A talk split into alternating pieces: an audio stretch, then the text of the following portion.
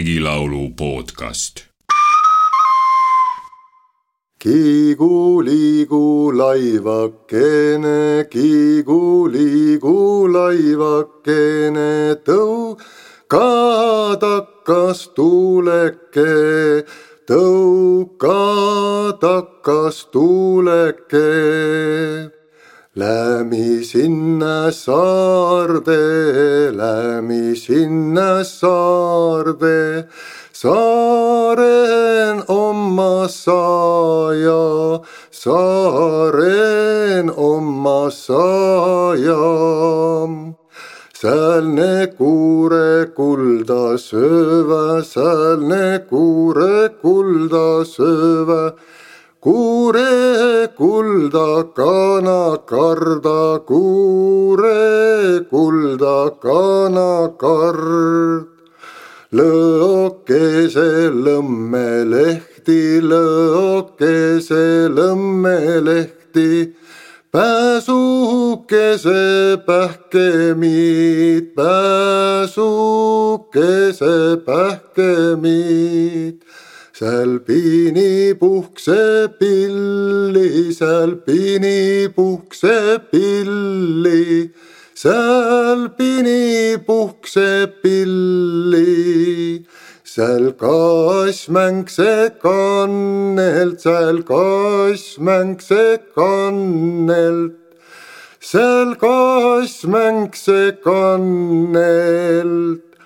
Vana lammas laul see, vana lammas laul see, tallekene tants see, tallekene tants see.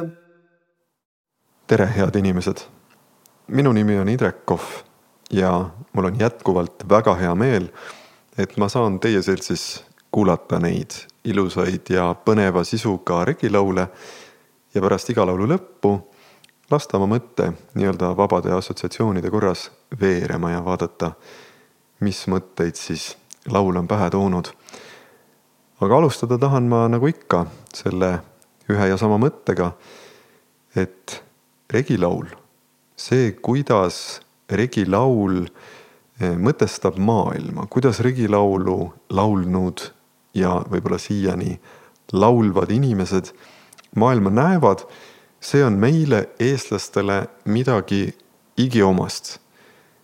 ja kindlasti on sellele nüüd kohe lihtne vastu vaielda, öelda, et me elame ju praegu väga moodsas maailmas. paljud meist on kolinud linnadesse ja need, kes elavad maal, kipuvad ka ikkagi elama väga linnalikus keskkonnas ja nii edasi ja nii edasi. aga ma usun siiski, et kusagil sügaval sisimas on meis eestlastes säilinud midagi niisugust, mis tabab ära kohtumise regilaulu maailmaga. ja mulle tundub, et see regilaulu ilm on mingisugune selline meie ühine maatriks, mingisugune selline taust või, või vundament ilma meie, ilma milleta meil oleks väga-väga raske püsima jääda ja üleüldse kuidagi edasi minna, kuskil mingisugustki sihti näha. ja ma väga loodan, et uued põlvkonnad, kellest paljud ei ole kuulnudki regilaulust või enamik kuuleb võib-olla kooliprogrammi raames ja kuidagi kohustuslikus korras, et nad ei jää sellest veel kaugemale kui meie ja et mingil hetkel võib-olla toimub mingisugune tagasitulek regilaulu juurde. me kuulsime praegu laulmas Kaido Kama ja umbes niisugusel teemal on selle laulu laulja kirjutanud mõned aastad tagasi ajakirjas Akadeemia. kui teid huvitab, see on Akadeemia number kaksteist aastast kaks tuhat kolmteist seal on Kaido Kama avaldanud artikli Pärimuskultuur kui ellujäämise õpetus. ja millest ta seal siis kirjutab, ta kirjutab sellest, kuidas moodne inimkond on muutunud väga haavatavaks, sõltuvaks iseenda kaugele ja kõrgele arendatud kultuurist justkui. ja ta ütleb ka seda, et ehkki pärimuskultuuri mõiste kui niisugune ütleb, et, et see pärimus ei ole enam loomulik elamuse vorm, kui selle jaoks on juba tarvis kasutada eraldi sõna. ja kui niisuguse asjaga nagu pärimus on vaja kuidagi eraldi tegeleda, siis ometi on selle pärimuskultuuriga tegelemine ikkagi kasulik ja hea. kasvõi juba sellepärast, et kui inimkonda peaks tabama mõni suurem katastroof, siis äh, siis võivad pärimusest õpitud oskused aidata meil äh, nendes keerulistes tingimustes ellu jääda. noh, põhimõtteliselt ju sarnast rida ajab ka Valdur Mikita, kes ei väsi imestamast ja, ja imetlemast selle üle või õieti imestamast selle üle ja imetlemast seda, kui sügavalt ja jõuliselt elab meis, eestlastes ja võib-olla ka laiemalt soome-ugrilastes edasi selline iidne küttide ja korilaste eluviis ja, ja mõtteviis ja maailma nägemine. umbes sarnasel teemal olen ma kunagi aastaid tagasi kirjutanud ühe luuletuse ja ma mõtlesin, et võib-olla sobiks ka see praeguses kontekstis ette lugeda. ja see kõlab niimoodi. mu esiisade esiisa oli kütt jahtis jäneseid, linde ja sigu, sai teinekord karugi kätte. mu esiemade esiema oli korilane, noppis metsa alt pohli, leidis iga juure alt midagi söödavat. mu esiisa põletas alet, suu matsus, jalg tatsus. mu esiema küpsetas naereid ja pühkis suitsust vesiseid silmi mu esiisa poeg võttis vana hobuse, läks kündis mõisniku põldu, läks peksis mõisniku reht. seda nimetati teol käimiseks. mu esiema tütar pani selga puhtad riided. Läks kaunistas mõisniku kambrit. soojendas vana mõisniku kühmus käsi oma värske ja õrna ihuga. sellel ei olnudki nime mu vana, vana, vana, vanaisa oli talumees, talu peremees. mu vana, vana, vana, vanaema oli talunaine, talu perenaine. mu vana, vana, vanaisa oli talumees, talu peremees. mu vana, vana, vanaema oli talunaine, talu perenaine.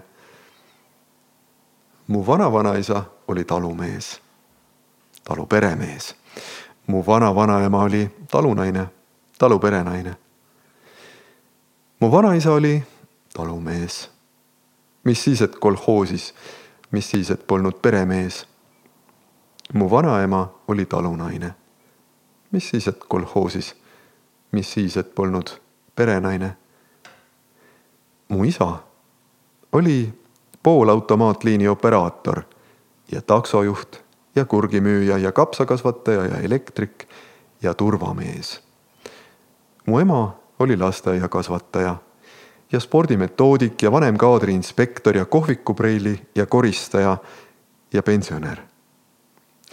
ma ise olen natuke ajakirjanik natuke reklaamimees, natuke arvutiparandaja, natuke projektijuht, natuke üliõpilane, natuke ministeeriumi noorem spetsialist, natuke kinnisvarahaldur, natuke kliendihaldur, natuke igasuguste asjade haldur, natuke telenägu, natuke riskiinsener, natuke niisama insener, natuke ilumaailma kategooria juht, natuke tootejuht, natuke müügijuht, natuke IT-juht, natuke juhi abi, natuke konsultant, natuke nõunik, natuke analüütik, natuke asjatundja, natuke ekspert ja natuke loomeinimene, sest ma olen loova vaimuga, dünaamiline ja paljutõotav, paindlik ja hästi kohanev. armastan väljakutseid ja, jah. siis niisugune väike tekstikene, mis võib-olla pisut haakub selle eelneva pärimuse ja pärimuses elamise vastuolu teemaga. mulle endale tundub ikkagi üsna ilmne, et projekti juhtimise ja igasugu muu sellise keerulise moodsa nimega tilulilu all on tegelikult praeguses inimeses ikkagi säilinud hästi tugev vajadus millegi püsiva järele. ja see kerkib ikka aeg-ajalt üles, mis on ju tegelikult väga hea. aga kui nüüd tulla konkreetsemalt selle Kaido Kama lauldud laulu juurde, siis ma ütleksin, et esmapilgul tekib siin kohe niisugune tunne, nagu oleks vanaja inimesed, kes selle laulu teinud on, laulnud praegusest, meie ajast. kui me nüüd mõtleme kasvõi sellele,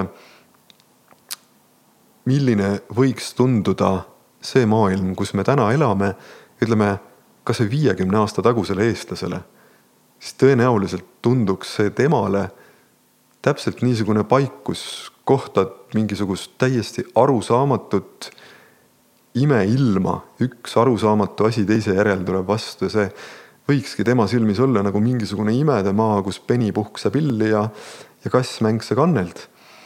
ja, ja või ma ütleksin, et mitte tingimata positiivses sellises imetluse võtmes. pigem võiks see temas tekitada hirmu ja, ja mingis mõttes ka vastu, vastumeelsust.